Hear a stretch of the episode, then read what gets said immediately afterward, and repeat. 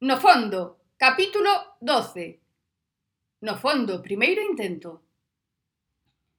A auga estaba fría, e por moito empeño que puxen en pensar que non había monstruos mariños nin cadáveres con bloques de cemento nos pés, acabei pensando. Aínda así, seguín cara adiante. Mellor dito, seguín cara abaixo. A escaleira enroscábase na profundidade, pero apareciu ante min un descanso de decoración exquisita que daba entrada a unha habitación, unha estancia tan espectacular que me pareciu digna de atención.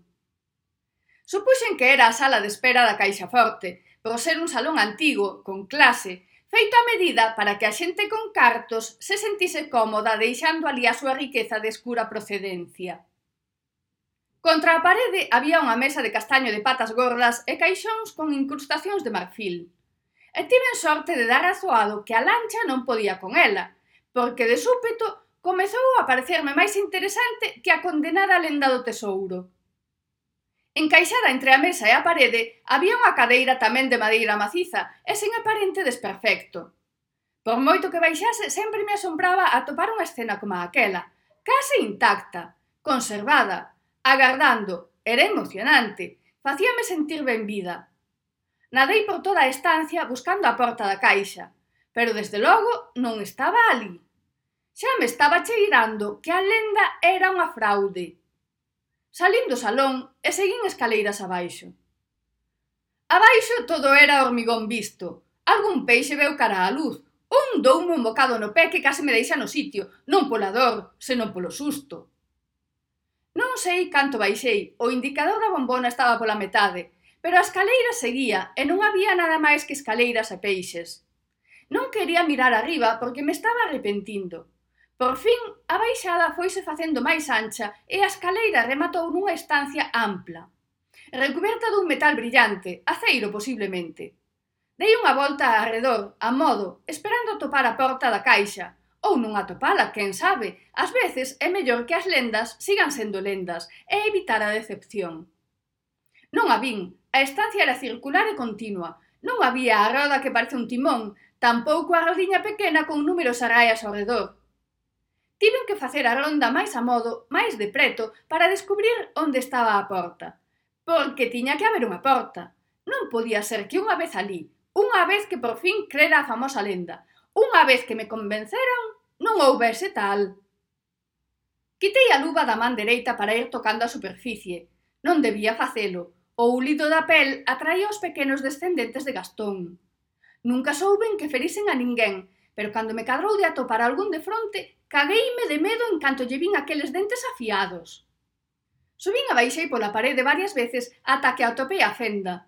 Estaba xusto en fronte da baixada das escaleiras. Non anotei o a palpar, Foi cando me alonxei e a luz se reflectiu en dúas cores. O metal tiña os brillos dun lado para arriba e do outro para abaixo. Chegadas a ese punto, golpeei dun lado e do outro. Pouca forza podía facer porque a presión era bastante e custábame moverme. O empeño ía carato para a maneira de abrir a comporta, se é que a había. Mirei dun lado a outro de novo. Por algunha parte tería que haber un botón ou unha palanca, ou algo. Claro que tamén quedaba a opción de que se abriese cunha chave ou cun mando a distancia. Sube, repito, sube, berraba Salva na orella. Sube xa! Xa vou, un momento, dixen. Un momento non, sube xa! Ordeou. Non tive máis remedio que facerlle caso, parecía que o dicía en serio, pero marchaba con certa sensación de fracaso e dándolle voltas á sala de aceiro, repasándoa mentalmente. De súpeto vino, vino claro. Tiña que estar no pasamáns, nalgures. Volvín baixar. O pasamáns era unha barra de aceiro espetada na parede ca separación suficiente para que unha se poidese agarrar en condicións. Non había adornos e cando cheguei abaixo de todo, ao remate, pensei que só se me ocorrían tonterías. Sube, hostia! berraba Salva. Dei volta para subir, Todo quedou a escuras, en silencio, en paz. Onde estás? berraba Salva ao lonxe. Sube, coño! Podía escoitar as pequenas correntes de auga esquivando os caprichos dun arquitecto pouco previsor. Sube dunha puta vez! Dixo Salva perturbando aquel momento de paz. Sube polo que máis queiras! Dicía desesperado. Paseniño, ca lanterna, foume abrindo paso. Vou baixar, pasoulle algo. Falaba Salva desesperado. Seguín subindo. Non entendía a desesperación de Salva, pero tampouco me decatei de tranquilizalo. Coño, Sandra, apura que a puta botella, dicía Salva. Xa o podía ver. Desde abaixo parecía aínda máis histérico que na superficie.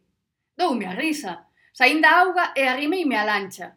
Vin que Paco se achegaba con urxencia e que Salva o seguía ca mirada ata min.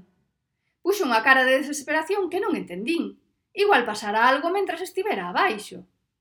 Botaron nunha man e sacáronme da auga. De novo volvín sentir a paz aquela do fondo.